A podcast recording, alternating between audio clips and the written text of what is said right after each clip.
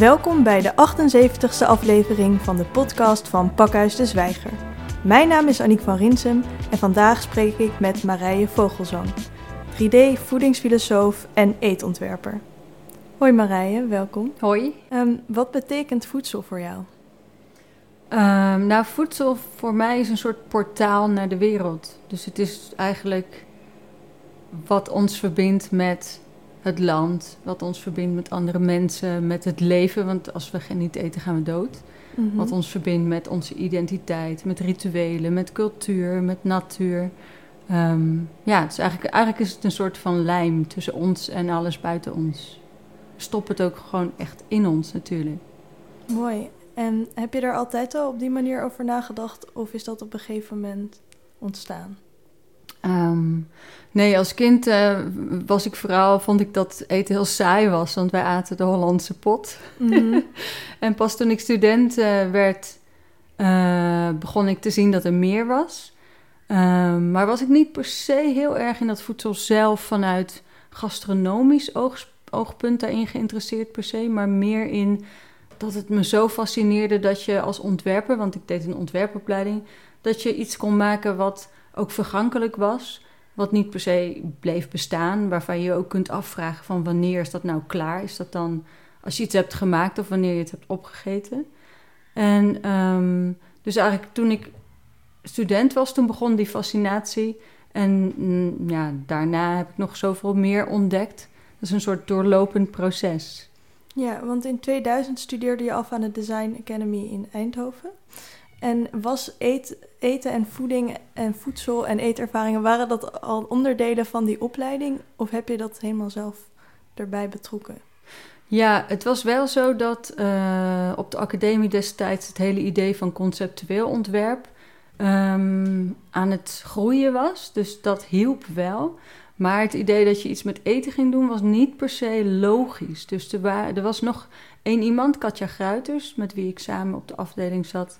Zij deed het ook, maar verder eigenlijk niemand. En het was ook niet gangbaar. En het, was, werd door heel veel mensen ook gezien als een soort van huisvrouwenonderwerp of iets wat je maar moest gaan doen als je chef wilde worden, maar niet voor ontwerpers, want die moesten toch wel echt eh, objecten maken. Interessant. En wanneer is dat voor jou gestart dat je dan daar wel mee bezig ging zijn? Ehm, nou, ik ben in 1999 heb ik mijn eerste ontwerp gemaakt met eten en dat was een witte begrafenismaaltijd. En Liedewij Edelkort was mijn eh, docent destijds. En zij heeft dat meegenomen naar Milaan, naar de Salone del Mobile. En daar is dat eigenlijk heel goed ontvangen. Dus, dus er was wel een groep mensen die dat begrepen. Maar er waren ook heel veel mensen die dat nog niet begrepen. Maar voor mij was dat wel het moment dat ik dacht van... hé, hey, dat is, ik vind het ook heel erg leuk om te doen. En het past mij heel erg goed. Maar het heeft nog wel wat jaren geduurd... voordat ik echt durfde te kiezen om echt voor het eten te gaan. Kan je wat meer over dat project vertellen, wat het dan was? Ja, het was een, uh, een, een maaltijd. En hij staat nu trouwens toevallig in Cube Design Museum... na zoveel jaar weer. Oké. Okay. Um, het was een, een, een, witte maaltijd voor een begrafenis, omdat wij dan zwart hebben als begrafenis of als uh, uitvaartskleur. En in heel veel culturen is die kleur wit en dat vond ik eigenlijk fascinerend. En het viel me ook op dat je in Nederland eigenlijk heel weinig culturen, cultuur hebt rondom uitvaart en eetcultuur mm -hmm. vooral. En dat in andere landen voedsel heel belangrijk is voor een uitvaart. En dat er een speciaal soort voedsel wordt gegeten, of dat heel veel voedsel of allerlei rituelen daar rondomheen zijn. Dus eigenlijk voor onze Nederlandse schrale voedselcultuur heb ik een, een, maaltijd bedacht die helemaal van witte ingrediënten was gemaakt. En die heel sereen, um, heel sereen is om te zien. Maar ook de, de smaken, die witte smaken, die passen heel goed bij een uitvaart. Die zijn heel subtiel en dan soms een beetje bitter ook. En soms een beetje scherp. Dus dat is eigenlijk heel symbolisch ook voor uh, begrafenis. Want wat voor ingrediënten zaten er dan daarin? Mm, nou, heel veel wit voedsel is uh, bijvoorbeeld zoals rijst of uh, um, bloemkool of wit brood. Dat is eigenlijk heel, heel um, ja, wijkend van smaak. Maar dan heb je daartussen ook uh, bijvoorbeeld een pittige geitenkaas of um, mm. mierikswortel of knoflook. en die dingen zijn eigenlijk wat meer scherp of bitter. Witlof bijvoorbeeld is meer bitter. En ehm, nou ja, toevallig paste dat smaakpalet ook heel goed.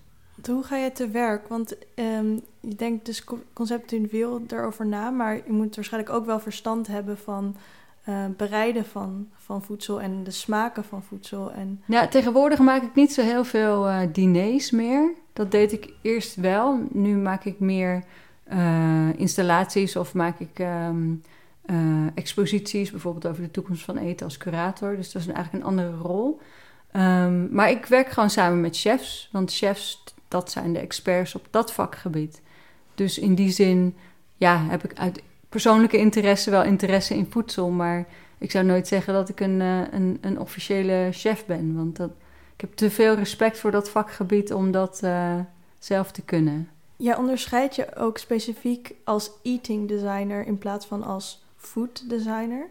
Um, en dat is omdat je het interessanter vindt om je met het werkwoord eten bezig te houden dan met het zelfstandig naamwoord eten alleen. Um, van waar deze keuze? Ja, toen ik begon was dat vooral iets waar mensen uh, mij wilden vastpinnen. Ze wilden dan begrijpen wat ik deed. En dan zeiden ze, oh, je werkt uh, als ontwerper met eten. En vooral in het Engels food designer. Klinkt heel logisch. Mm -hmm. Maar dat impliceert dus ook dat je echt dat eten zelf ontwerpt. Terwijl ik vind het ontwerp van het eten zelf, als in food styling bijvoorbeeld... Ja, dat speelt wel een rol, want daarmee communiceer je. Maar dat is een tool, dat is niet mijn doel. Mijn doel is om mensen bijvoorbeeld een andere ervaring te laten hebben. Dat ze hun zintuigen weer helemaal opnieuw ervaren terwijl ze daar normaal nooit bij stilstaan. Of dat ze op een andere manier gaan nadenken over de toekomst van voedsel. Of dat je anders na gaat denken over uh, de persoon met wie je dat eten samen opeet. Ja, heel mooi. Want dat zijn een aantal onderwerpen waar je mee bezighoudt. Maar ook bijvoorbeeld met voedseltransport en de effecten van voeding op het brein um, of op je emoties. En wat maakt dat al deze verschillende aspecten aan eten zo belangrijk en relevant zijn voor jou? Nou, ik, eigenlijk gaat mijn werk helemaal niet over eten. Het gaat eigenlijk over mensen. En ik gebruik eten omdat het een soort van taal is waarbij je niet alleen een oor ingaat met woorden, maar waarbij je echt een lijf ingaat met iets wat onderdeel wordt van dat lijf. Dus voedsel voor mij is zo'n mooi middel om um, mensen gelijk te betrekken. Want iedereen voelt zich gelijk betrokken als je iets met voedsel doet.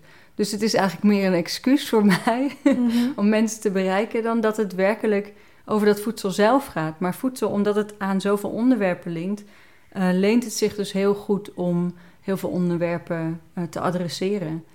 En ja, als je het dan linkt bijvoorbeeld aan verbeeldingskracht en dat je iets eet en een verhaal hoort en daarmee dus een heel een hele ervaring oproept alleen maar met verbeeldingskracht. Waarbij ja, dat, dat eten wat je in je mond hebt misschien alleen maar wat stukjes appel zijn. Dan kun je je afvragen, gaat dat over het eten? Maar zonder voedsel was me dat niet gelukt. Dus dat voedsel is wel een, ja, als, als verf op een doek voor mij. Heb je een specifieke herinnering van dat je zag dat iemand op een bepaalde manier ontroerd raakte van het werk wat jij hebt gemaakt? Ja, mensen raken heel vaak ontroerd eigenlijk door het werk wat ik maak. Ja, ik denk dat, en ik, ja, mensen huilen ook best wel vaak. en ik denk dat dat komt omdat ze, um, omdat ik, omdat ik hele simpele middelen gebruik. Dus ik maak niks heel ingewikkeld. En ik gebruik wel veel verhaal. Dus mm-hmm. mensen luisteren naar een verhaal en daarmee worden ze eigenlijk meegenomen in hun verbeelding naar een andere plek. En ik probeer ze aan te spreken op dat ze misschien ooit kind waren. Of op um, dat ze eigenlijk best liefdevol voor zichzelf mogen zijn. Een soort hele simpele menselijke waarheden mm-hmm. die we toch heel vaak vergeten. Dus ik denk dat ik in mijn werk een soort plek opzoek waarbij je heel even mag loskoppelen van hectiek of van stress. En daarin, en vooral omdat je dan iets proeft, dus dan activeer je eigenlijk je hele lijf, gebeurt er iets onverwachts, wat ze eigenlijk niet verwachten waardoor ze een soort van ontwapend worden. En dat zorgt dan best wel vaak voor ontroering. Mooi, want jouw werk gaat dus heel erg over de mens. En gaat het dan ook specifiek om die ontroering teweeg te brengen? Nee, nou eigenlijk. Nee, die ontroering is een, een, een bijeffect. En ik vind dat wel heel mooi om te zien dat je mhm. dat bij iemand kunt bereiken. Maar mijn doel is eigenlijk dat ze op een andere manier gaan kijken. Dus dat, dat is een andere perspectief krijgen op iets. Dus dat Ik heb bijvoorbeeld een voetmassagesalon waarbij mensen in hangmatten liggen met eh, een, een, koptelefoon op en een soort gat. Uh, ze liggen eigenlijk als in helemaal omsloten in die hangmat. En daar ligt dan, die hebben ze alleen een gat bij hun mond. Eigenlijk een omgekeerd mondkapje.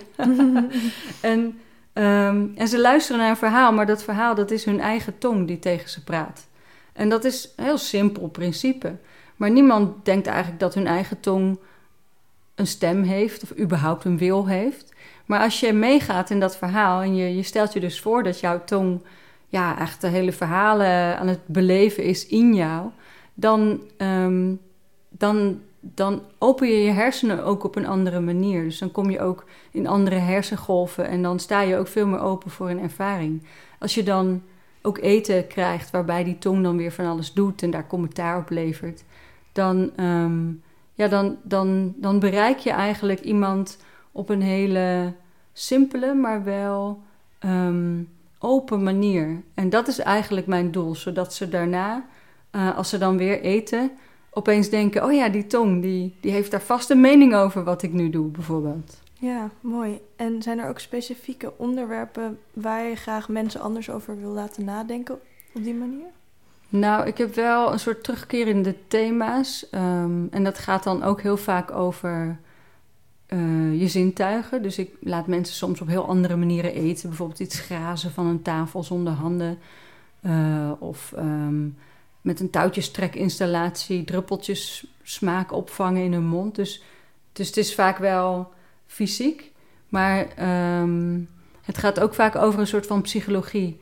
Waarbij ik bijvoorbeeld uh, zigeuners uh, in Budapest um, mensen laat voeren, echt met de hand, en hun levensverhaal laat vertellen. Dus dan is het eigenlijk een soort van sociologisch-politiek onderwerp. En gaat het veel meer over dat voedsel in dienst staat tot mensen elkaar leren kennen. Dus het heeft heel vaak wel een soort van psychologische ondergrond eigenlijk. Dat project dat heet Eat Love Budapest. En kan je nog meer specifiek vertellen hoe dat eruit zag? Ja, Eat Love Budapest, dat waren tien tafels die op wat hogere poten waren gezet. Vrij kleine tafels met een tafelkleed eroverheen. Waardoor je een soort van hutjes kreeg waar, waar je onder kon zitten als een kind onder de tafel. En terwijl dat je daar zat, zag je om je heen allemaal foto's van mensen, maar je wist eigenlijk niet van wie. En aan de andere kant, buiten de tafel, kwam er dan een vrouw. Maar je wist niet wie het was of um, wat ze daar deed. En zij waste dan haar handen en daarna ging ze haar levensverhaal aan jou vertellen en jou voeren met het eten waar ze ook in haar verhaal over praatte.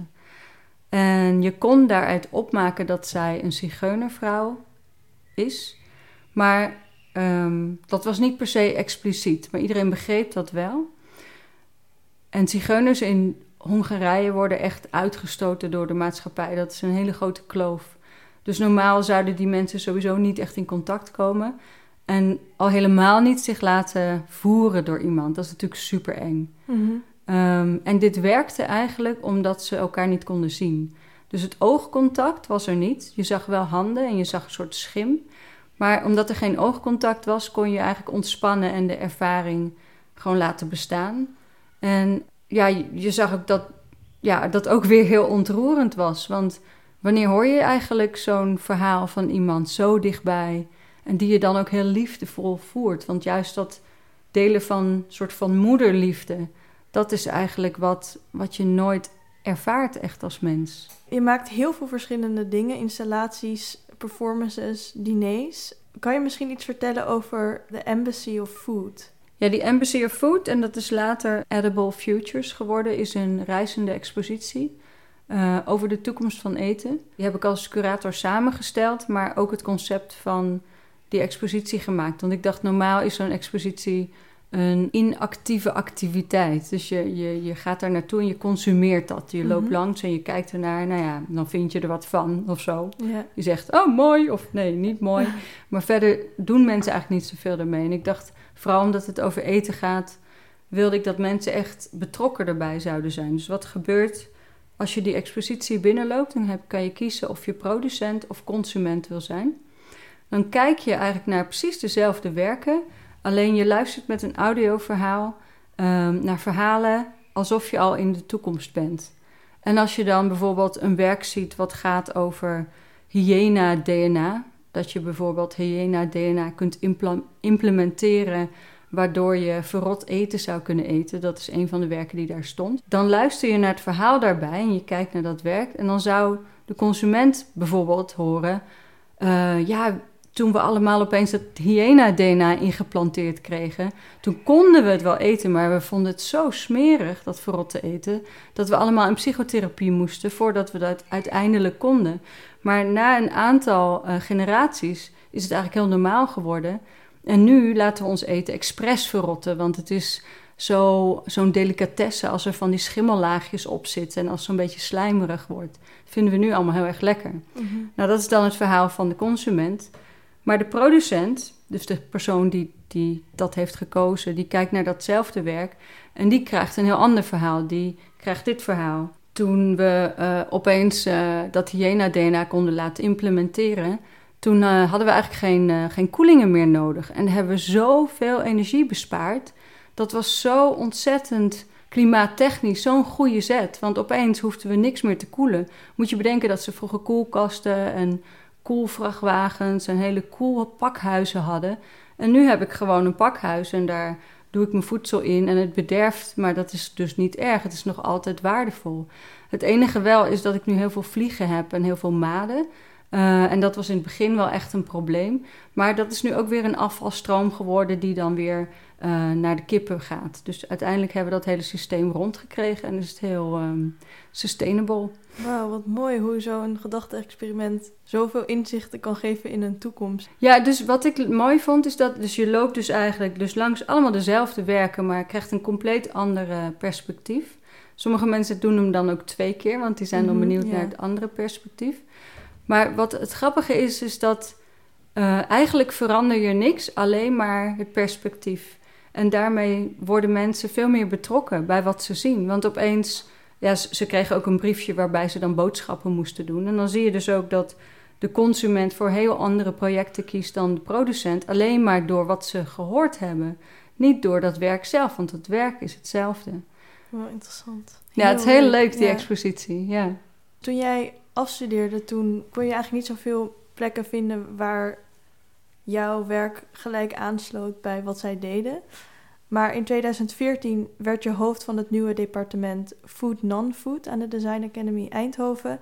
En in 2016 richtte je de Dutch Institute of Food and Design op. Heb je de indruk dat er tegenwoordig meer aandacht is voor waar jij mee bezig bent? Ja, het is eigenlijk een, het is echt een wereldwijde beweging geworden.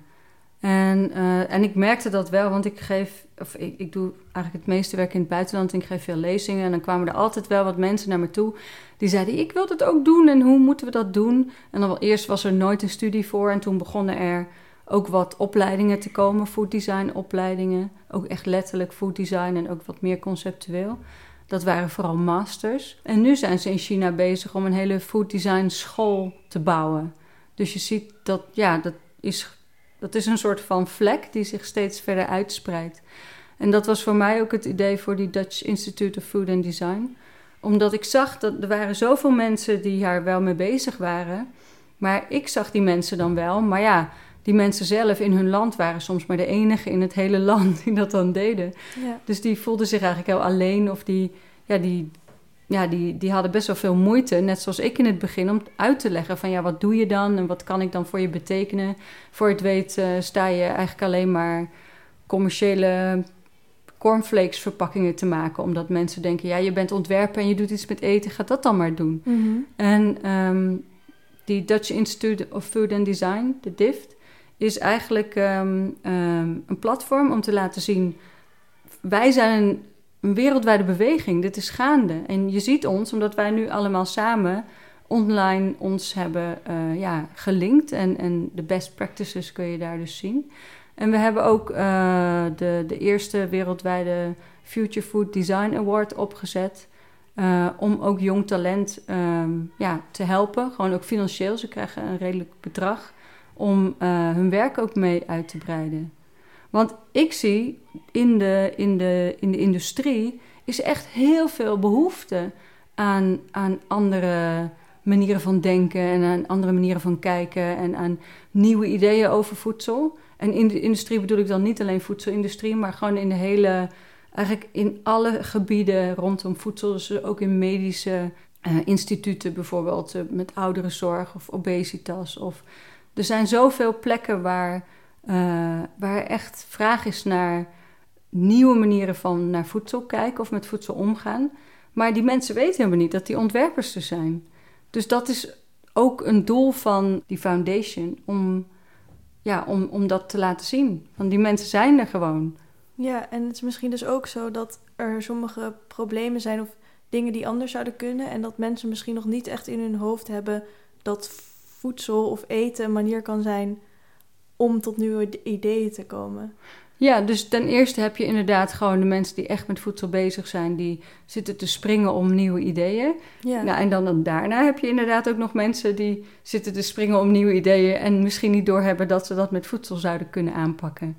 Ja. ja, dat is nog een soort van uienschilder omheen. Ja, heb je van beide gevallen een voorbeeld? Nou, binnen de voedselwereld heb je bijvoorbeeld uh, Sietske Klooster. Zij uh, is al jaren actief met een melksalon. Dat is uh, een initiatief om te kijken of je melk van, van één koe zou kunnen proeven. Waardoor je een soort van terroir van koeienmelk ehm, kan ervaren. En gaat begrijpen dat de melk uit de supermarkt gewoon een grote mix is van één uh, ja, van, van één grote emmer waar alle duizenden soorten koeienmelk bij elkaar zit. Um, en, en dan zie je dat, uh, dat, de, de, dat dat idee waar zij mee bezig is gegaan, dat dat dus ook echt wordt geadopteerd door uh, de voedselindustrie. Maar ja, Volumes is een werk gebaseerd op um, menselijk gedragsonderzoek. Waarbij blijkt dat wij eigenlijk helemaal niet goed kunnen zien wat we, hoeveel we eten. Dus dat onze ogen die, registreren, of die zien het en onze hersenen registreren dat. Maar eigenlijk uh, communiceert het helemaal niet goed met je maag. Dus dat betekent ook dat je heel, eigenlijk vaak een beetje te veel eet. Omdat je eigenlijk niet helemaal weet precies hoeveel je moet eten. Dus ik heb objecten gemaakt die je op je bord legt tussen je eten in. En die ergens soort van op voedsel lijken. Waardoor je hersenen denken, oh dat bord ligt lekker vol met eten. Mhm. Maar als je dan het eten daartussen eigenlijk wegeet, heb je eigenlijk veel minder gegeten. En de rest is dus oneetbaar. Dus het, zijn ook, het was ook een soort van reactie op serviesgoed. Serviesgoed is eigenlijk heel weinig veranderd in de afgelopen eeuwen. Het gewoon ja, een bord en een kom. Uh, en dat in allerlei variaties. En ik dacht, nou, daar voeg ik eigenlijk iets nieuwe elementen aan toe. En je werkt ook voor de voedingsmiddelenindustrie. Um, wat moet ik me daarbij voorstellen? Ja, ik heb uh, vrij veel werk gedaan voor Nestlé vooral, ook voor andere bedrijven wel. En um, eigenlijk zit ik heel erg aan het begin van de conceptontwikkeling. Dus ik ben heel erg bezig met het helpen op een andere manier na te denken over wat zij zouden kunnen gaan doen. En daar hoop ik natuurlijk een soort positief zaadje te planten. Um, dus ik kan niet zeggen van ik ben verantwoordelijk voor, weet ik veel, dit product of dat product. Want mijn um, bijdrage daar is heel erg in het ja, eigenlijk meer helpen die mensen zelf ook meer creatiever te laten denken. Wat voor creatieve gedachten hoop je dan te planten, zaadjes hoop je daar te planten? Ja, ik hoop natuurlijk te helpen uh, om duurzamer te, te werken, maar ook om te kijken heel erg meer vanuit de, uh, de persoon die het gaat eten. Um, en dat ze ook zien dat je niet altijd iets compleet nieuws hoeft te maken. Dat je niet altijd weer maar een nieuw product hoeft te maken. Dat je soms ook kan kijken, wat hebben we eigenlijk? En um, kan je daar iets mee doen wat, uh, wat iets misschien op de kop draait. En dat je daardoor iets nieuws kunt maken. Dus ik hou er ook heel erg van om niet altijd maar weer nieuwe dingen te maken. Maar ook te kijken van, wat hebben we eigenlijk? En kan je dat zo op een andere manier omdraaien, zodat het weer nieuw wordt? Heb je daar een voorbeeld van? Over voedingsindustrie mag ik helemaal niks zeggen. Oké. ik heb allemaal uh, geheimhoudingsverklaringen. Oké, dat is interessant. Uh, spannend. Nou ja, het is niet zo leuk. ik kan er dus heel weinig over zeggen, concreet. Um, eind april dit jaar startte jij een online gemeenschap genaamd Creative Strategies for Sensitive Pirates. Uh, wat zijn sensitive pirates? Ja, nou ja, dat kan natuurlijk van alles zijn. Maar ik dacht wel, um, ik zie in het vakgebied om mij heen dat er, dat er heel veel creatieve mensen zijn die echt geweldig inhoudelijk werk maken. Maar juist omdat ze zo gevoelig zijn, ook dat werk kunnen maken. Omdat ze gevoel hebben voor kleur of voor vorm of bepaalde sensitiviteit voor schoonheid bijvoorbeeld hebben. Maar uh, dat maakt ook vaak dat ze aan de andere kant ook heel gevoelig zijn voor prikkels en voor stress en voor ja, de, overweldigd worden door bijvoorbeeld um, um, door het idee dat een ander een mening heeft over hun werk bijvoorbeeld. En daardoor worden ze eigenlijk zwakker. Dus, dus ze zijn eigenlijk heel hele goede pirates, maar door die gevoeligheid um, komen ze gewoon niet helemaal uit de verf. Mhm. En dat zag ik om me heen. En ik had zelf in de afgelopen jaren heel veel gewerkt, ook aan mijn eigen strategieën om zelf meer balans ook te brengen in een internationale carrière en drie kinderen. En um, nog steeds ruimte in mijn hoofd houden om te spelen. En niet alleen maar heel hard te werken en daar heel veel stress van te hebben, wat ik voorheen echt veel heb gehad. En toen dacht ik, ja, je hoeft dus helemaal geen stress te hebben. En je hoeft eigenlijk helemaal niet uh, heel veel je aan te trekken van wat andere mensen van jouw werk vinden. Um, je kan je eigenlijk heel relaxed mee zijn. Het is eigenlijk een groot speelparadijs waar we in zitten. En als je dat ziet, dan kan je ook veel ruimhartiger creëren, ook weer zelf. Heel veel mensen zeggen wel, ja, ik presteer onder stress. Maar dat is gewoon het doel presteren in je beta-hersengolven, die dan de to-do-lijstjes opeens heel snel afwerken. Maar die echte, uh, dat creatieve inzicht, zeg maar, die, uh, die epiphany die je dan voelt opeens, dat, um, dat, heb je, dat werk heb je onbewust daarvoor al gedaan. Want dat doe je namelijk in alfa hersengolven. En die heb je eigenlijk niet als je onder stress staat. Dus als je dat gaat begrijpen, dat zijn hele simpele principes, dan kan je, dan, ja, dan, dan, want mensen denken dat ze dat nodig hebben, die stress voor het creëren. Maar eigenlijk um, is dat iets wat ze gewoon aan elkaar hebben gekoppeld in hun hoofd, dat ze denken dat ze dat nodig hebben je hem weer. is een half uur al, hè? Ja, ja. het gaat snel. Um, en hoe ben jij daar tot, tot dat inzicht gekomen? Want je vertelde dat je daar vroeger ook wel last van had, dat je heel erg veel stress ervaarde en dus nu op een andere manier er tegenaan kijkt. Ja, ja, ik heb iets van, nou, ik denk dat ik ongeveer 15 jaar hoogspanningsstress heb ervaren. En ik had uh, twee restaurants en kinderen en uh, allerlei privé-aangelegenheden en uh, internationaal werk en heel veel altijd gedaan. En dat gaf me ook heel veel energie, maar dat is ook best wel heftig als je dat niet kunt managen.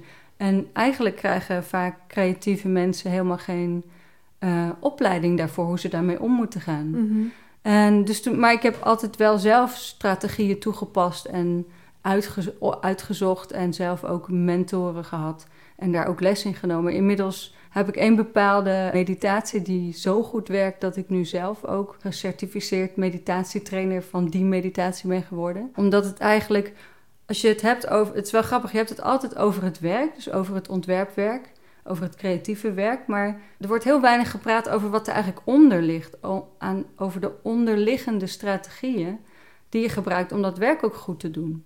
En daar ben ik dus nu heel veel mee bezig. En wat zijn dan die onderliggende strategieën voor jou? Het zijn mindset-strategieën en het zijn ook uh, strategieën om je hersengolven te balanceren. Dus bijvoorbeeld door middel van meditatie, maar ook op andere manieren.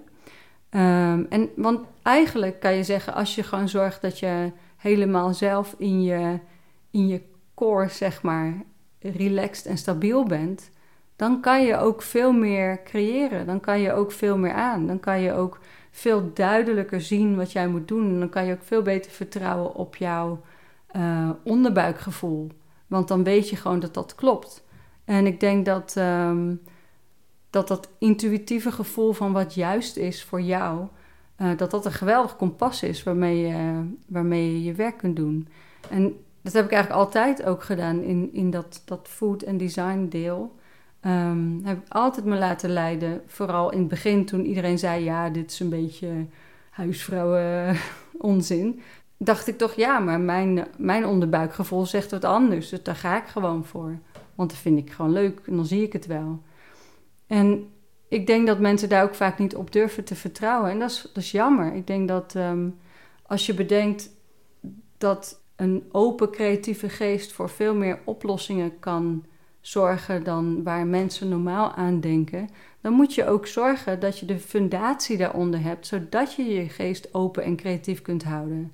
En dat die niet wordt helemaal opgeslokt wordt met stress en to-do-lists en uh, spanning en um, onzekerheid en het gevoel dat je niet genoeg bent of uh, dat, je, um, dat je bang bent voor wat mensen van je vinden.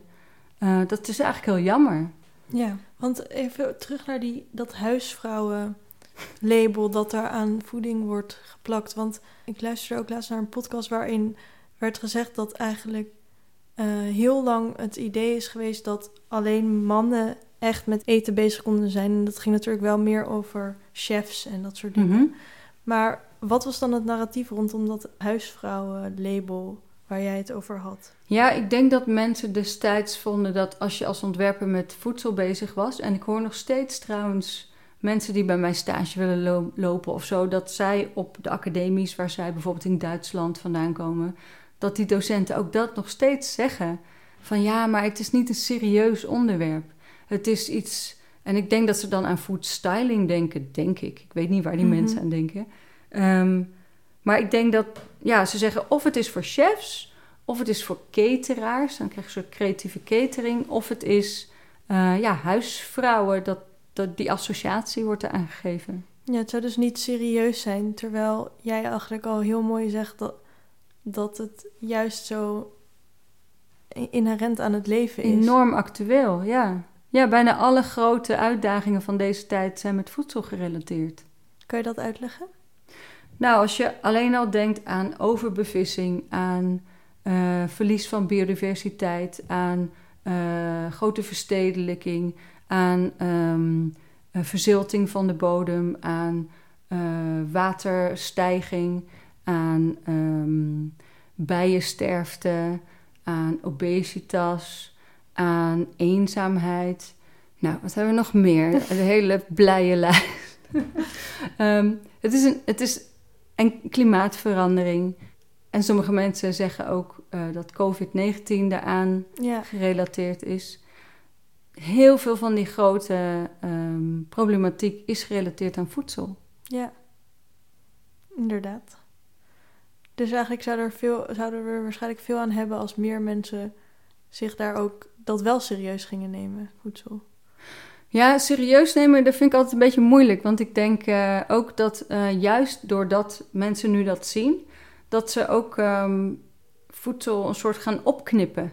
Dus dat uh, um, het plezier, de, de sensualiteit, de, um, de, de, het ritueel van samen eten, een soort van de magie van voedsel over het hoofd zien omdat ze alleen nog maar heel religieus bezig zijn met of wat volgens hen het beste is. En daar zijn de hele tijd allemaal meningen over, uh, verschillen daarover. Of het vegan moet zijn, of dat je alleen maar uh, shakes of smoothies moet uh, drinken, weet ik veel.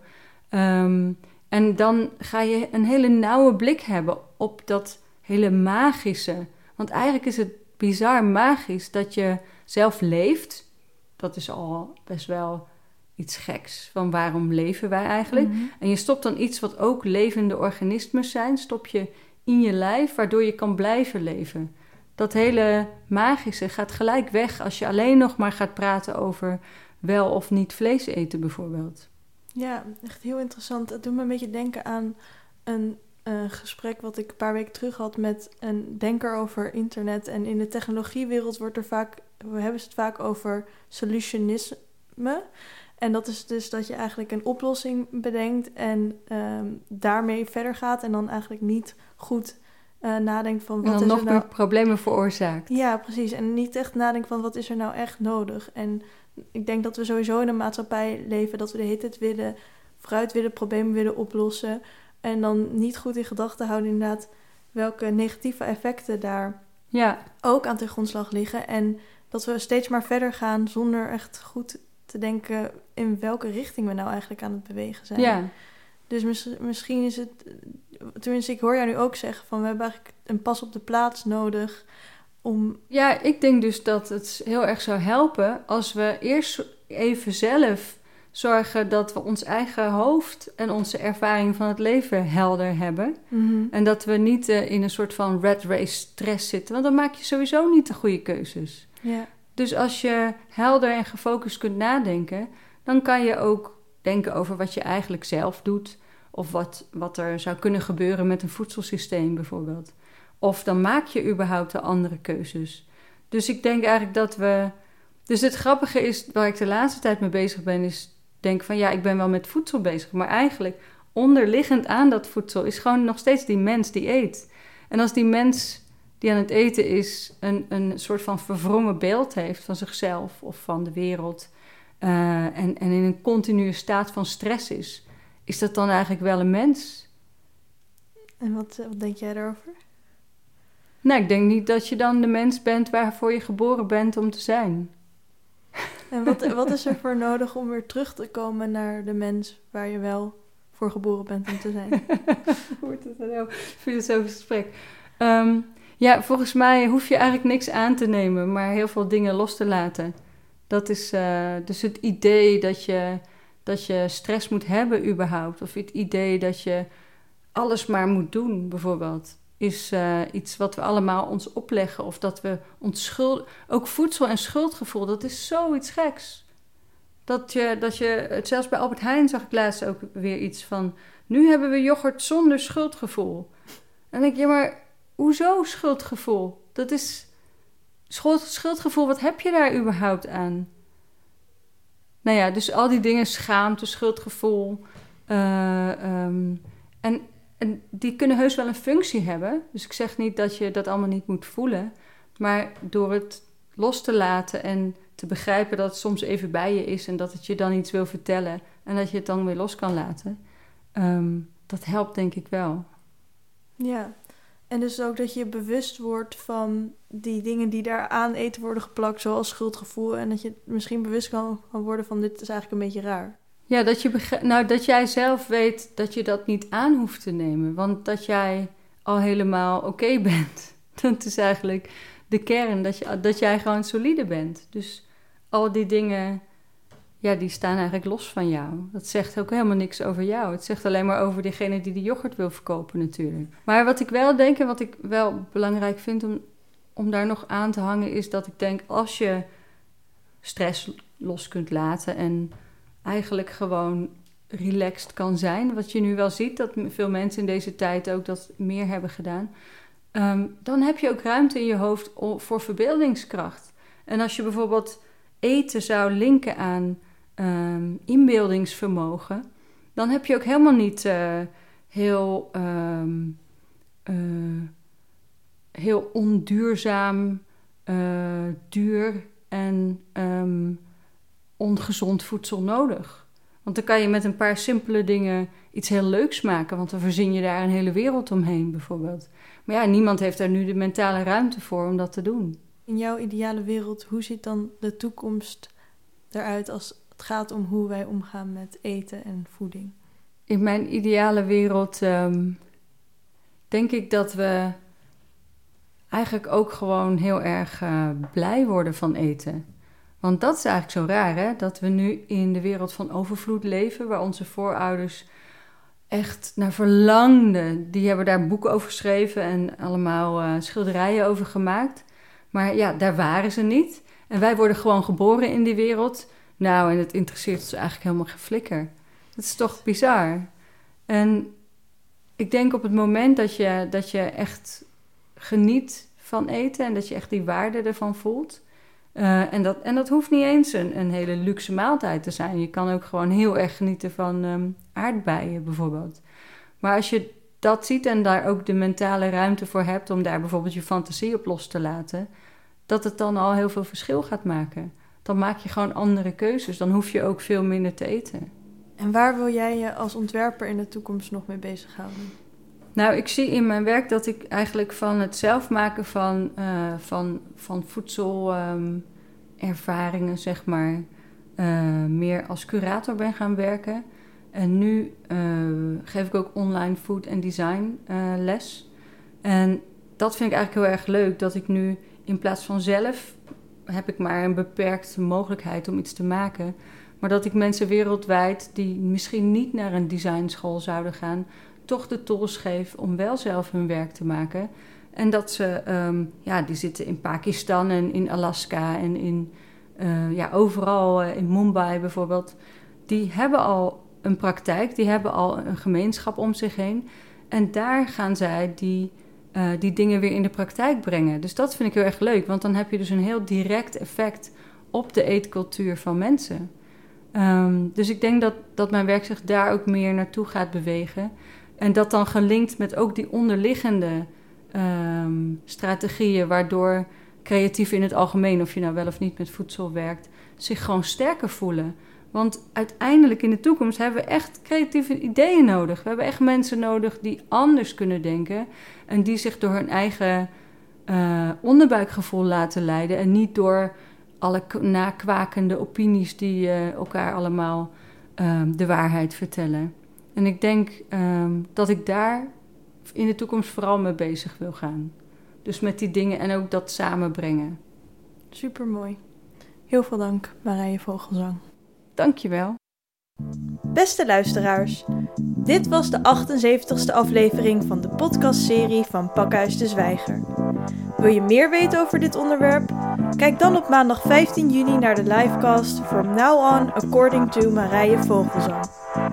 Een rating achterlaten of je abonneren op deze podcast kan via SoundCloud, Spotify, iTunes of een ander podcastplatform. Dank voor het luisteren en tot de volgende keer.